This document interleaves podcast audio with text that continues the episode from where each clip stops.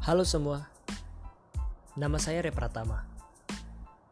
Bukan siapa-siapa, cuma orang yang senang berbagi cerita.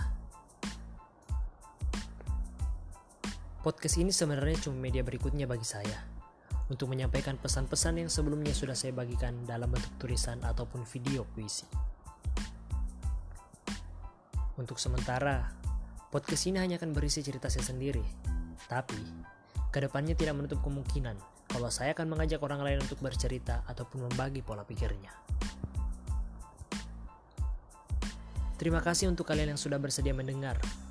Apa pun cerita yang saya bagikan, saya harap pesannya tersampaikan. Untuk itu, saya ucapkan selamat datang di podcast Merupa Lara. Semoga keluh kesah yang kau rasakan dapat terwakilkan.